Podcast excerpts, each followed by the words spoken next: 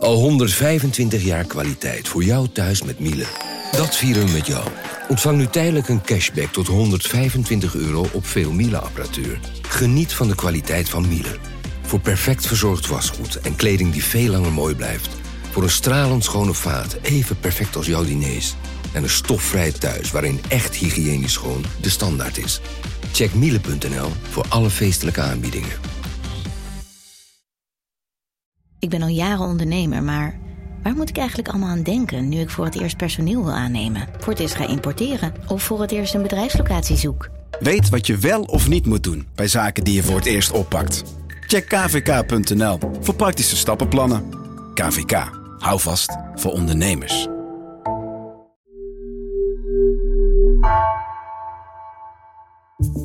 Vanaf de redactie van NRC het verhaal van vandaag. Mijn naam is Egbert Kalsen.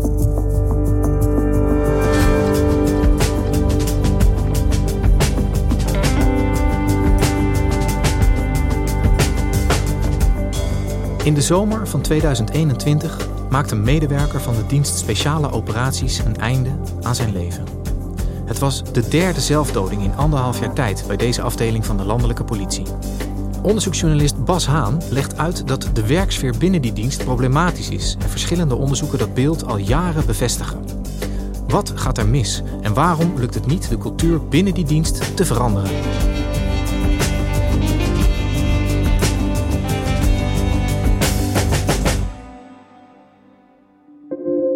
Bas, jij bent uh, onderzoeksjournalist. Je hebt jarenlang voor Nieuwsuur gewerkt en sinds kort uh, bij ons voor NRC.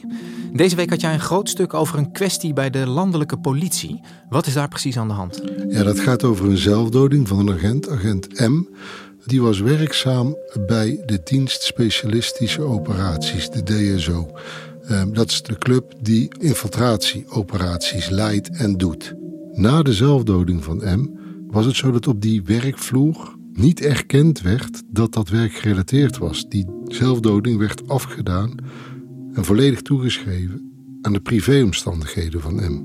Maar hij heeft bij zijn dood op 8 augustus instructies nagelaten aan een van zijn beste vrienden. Pas na de uitvaart kwam die vriend erachter wat dat betekende. Vond hij op een telefoon die M had nagelaten een afscheidsmail die gericht moest worden aan zijn directe leidinggevende Marjolein Smit en aan het toenmalig hoofd van de landelijke eenheid Janine van den Berg. Um, dat heeft die vriend gedaan. Die heeft die mail verzonden, maar dat gebeurde pas drie weken na de dood van M. Ik zal even wat voorlezen. De eerste zin is: Je zult inmiddels hebben begrepen dat ik er niet meer ben. Helaas heb je in de afgelopen vier, vijf maanden niet één keer contact met me gezocht om te vragen hoe het met me ging. Zelfs geen kaartje of iets van aandacht. Dat is tekenend voor jou en E en de cultuur binnen de DSO.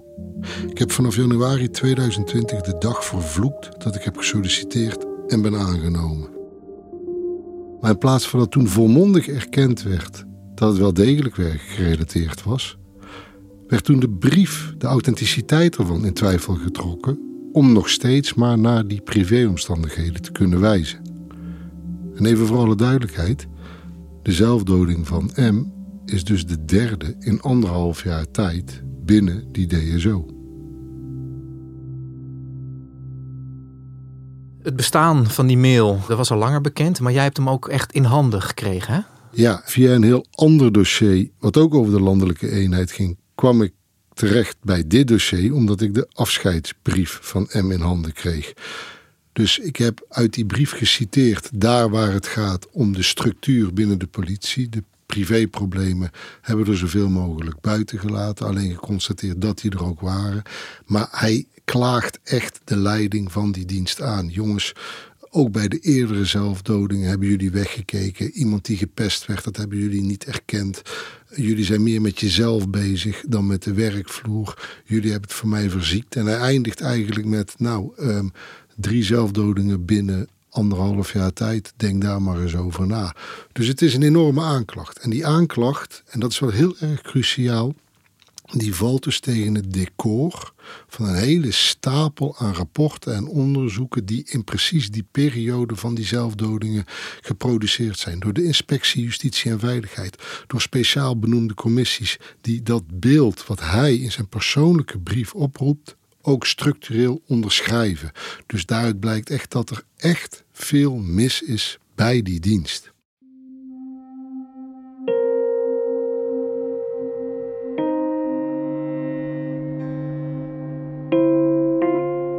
Ja, dat is een heftig verhaal en niet de eerste keer dat zoiets gebeurt. Het is al de derde zelfdoding in anderhalf jaar tijd bij die dienst DSO.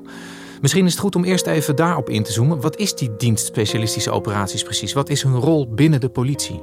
Die dienst is een van de diensten die valt onder de landelijke eenheid. De landelijke eenheid is in zijn totaliteit verantwoordelijk voor alle grote nationale en internationale activiteiten van de politie. De DSO gaat kort gezegd over de infiltratietrajecten. Dat is een van de belangrijkste taken van die dienst.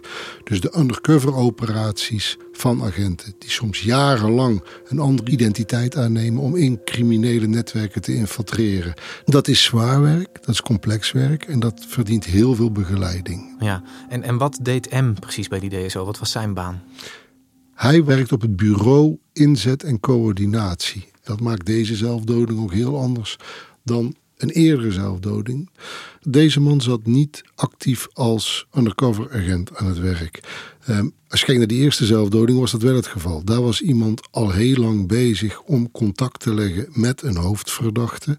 Nam daarvoor dus een andere identiteit aan. En toen die hoofdverdachte in de cel kwam te zitten, onderhield hij het contact met diens echtgenoten. En dat begon persoonlijk te worden. En dat begon zelfs te persoonlijk te worden. Dus dat is een voorbeeld van hoe dat werk te dicht bij iemand kan komen, waardoor iemand zichzelf letterlijk verliest in de personage die je als infiltratieagent aanneemt.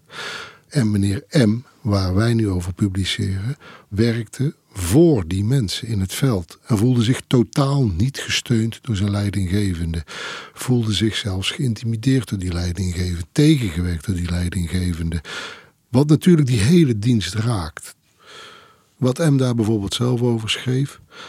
Ik kan de DSO niet volledig de schuld geven van mijn beslissing om eruit te stappen, maar weet dat mijn periode bij de DSO verschrikkelijk was.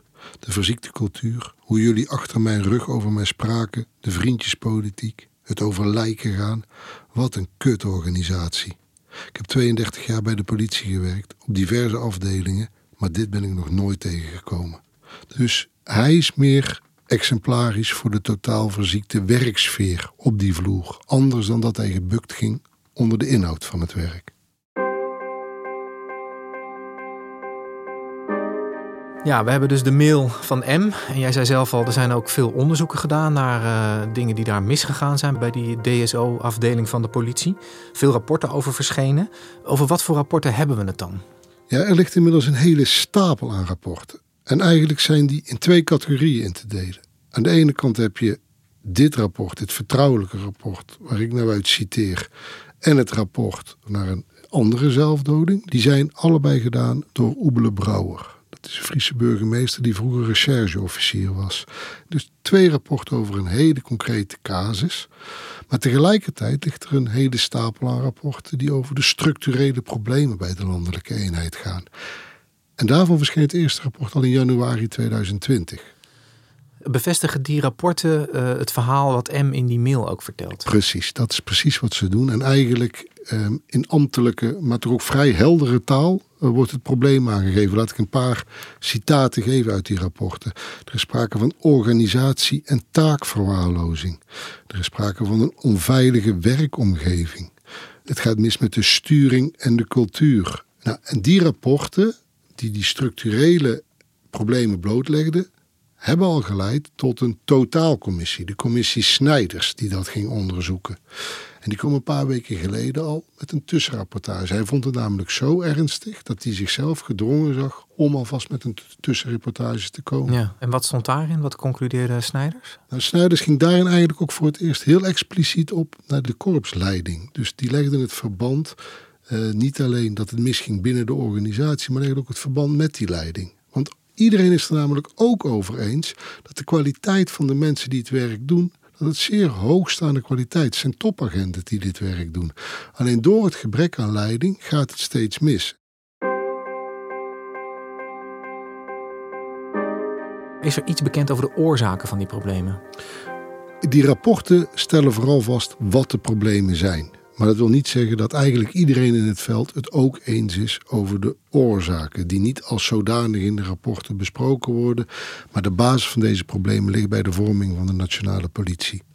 Uh, die hervorming van de politie was onder Rutte 2 zo'n tien jaar geleden een mega-operatie. Voorheen was de politie opgedeeld in allemaal eilandjes, de verschillende korpsen.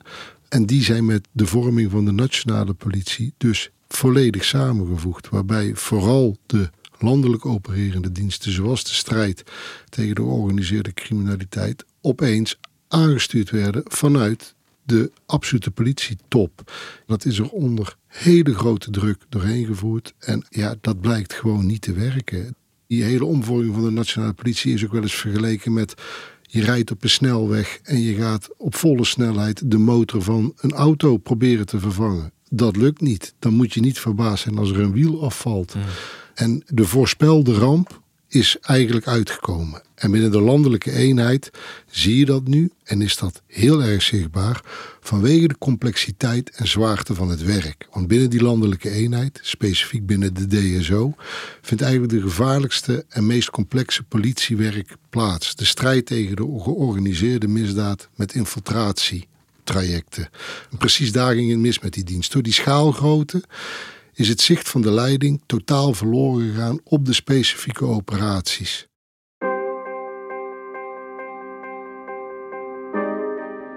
Er zijn een heleboel onderzoeken gedaan. De problemen liggen allemaal eigenlijk keurig voor ons klaar. Hè? We kunnen er allemaal naar kijken en weten wat daar mis is.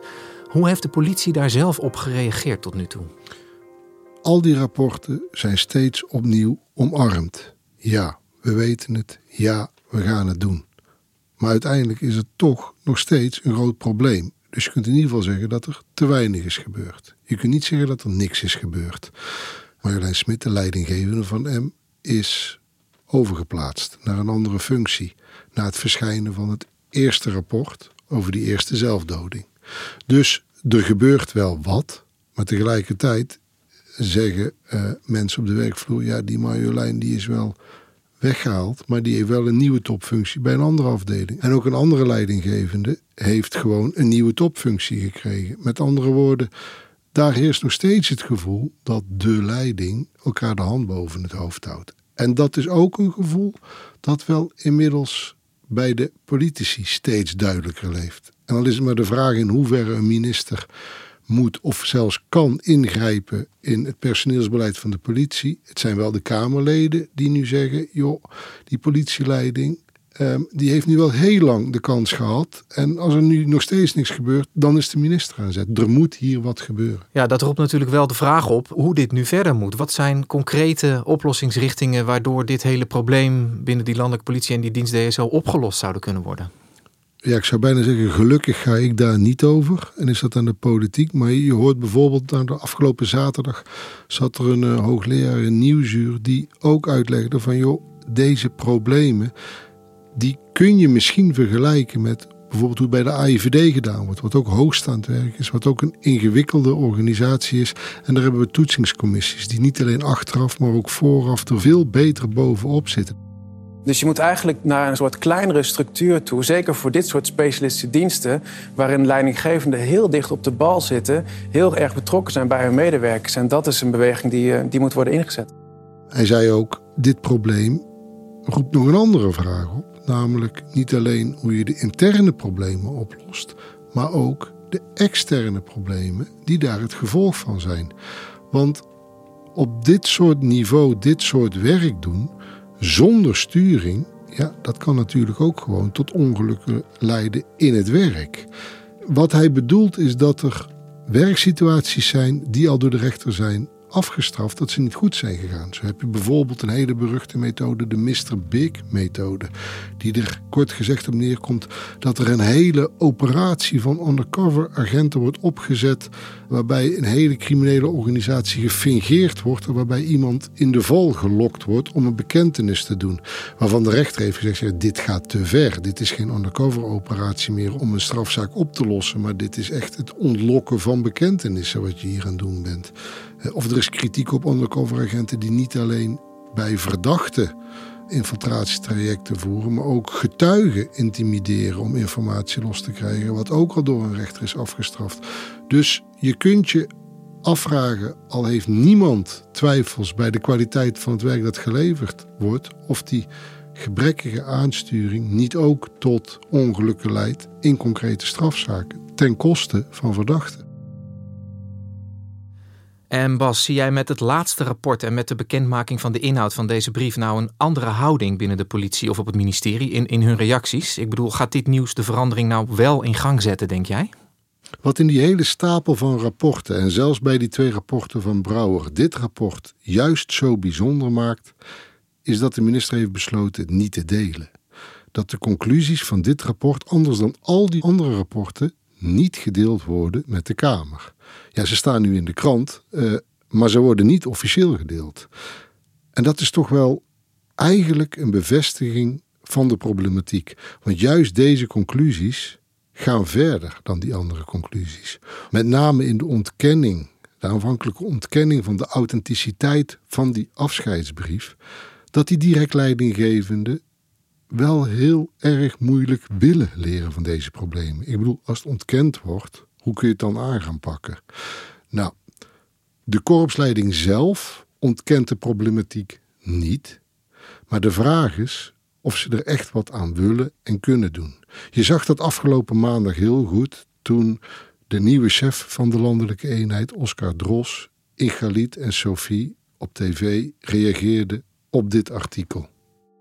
Ik heb ook wel een hele heldere boodschap intern. Dus uh, we stoppen echt met pleisters plakken. En uh, we zullen echt kijken hoe we na tien jaar nationale politie, hè, misschien is dat ook helemaal niet zo gek, gaan kijken hoe we verder gaan met die landelijke taak. Maar precies op het punt van die conclusies van dat onderzoek van Brouwer naar M over die geheim gehouden afscheidsbrief, over het ontkennen van de authenticiteit van die brief, daar gaat hij niet op in. Er is al eerder een rapport verschenen van de commissie Brouwer, eigenlijk dezelfde commissie die ook dit rapport geschreven heeft. Toen hebben we wel die conclusies kunnen lezen. Wat maakte dat anders? Nou, het gaat om drie hele verschillende kwesties. dus dat, dat heeft daar een rol bij uh, gespeeld. In dit geval is het ook zo geweest dat de commissie de afspraak heeft gemaakt met de collega's die geïnterviewd zijn, overigens ook anderen die geïnterviewd zijn. Dat onder de voorwaarden van strikte vertrouwelijkheid dat interview afgenomen zou uh, Ja, dat begrijp ik. Hè? Die strikte vertrouwelijkheid, dat ziet op de inhoud van het rapport. Maar dat roept wel de vraag op: wordt die wezenlijke structuurprobleem binnen die leiding, wordt die erkend en wordt die ook aangepakt? Het feit dat die daar toch zo omheen draaide, is denk ik een gemiste kans. Uh, en zal er alleen maar voor zorgen dat het debat dat volgende week woensdag in de Kamer over de politie gevoerd wordt, uh, nog scherper gevoerd zou gaan worden. Dus ik ben heel benieuwd waar dat debat volgende week toe gaat leiden. Dankjewel voor je verhaal, Bas. Graag gedaan. Mensen die over zelfdoding willen praten kunnen daarvoor terecht bij de landelijke hulplijn 113 zelfmoordpreventie. Die zijn telefonisch te bereiken via 0800 0113 of via www.113.nl. Je luisterde naar vandaag, een podcast van NRC. Eén verhaal, elke dag. Deze aflevering werd gemaakt door Dirk Hooyer, Mila Marie Bleeksma, Julia V.J. en JP Geersing.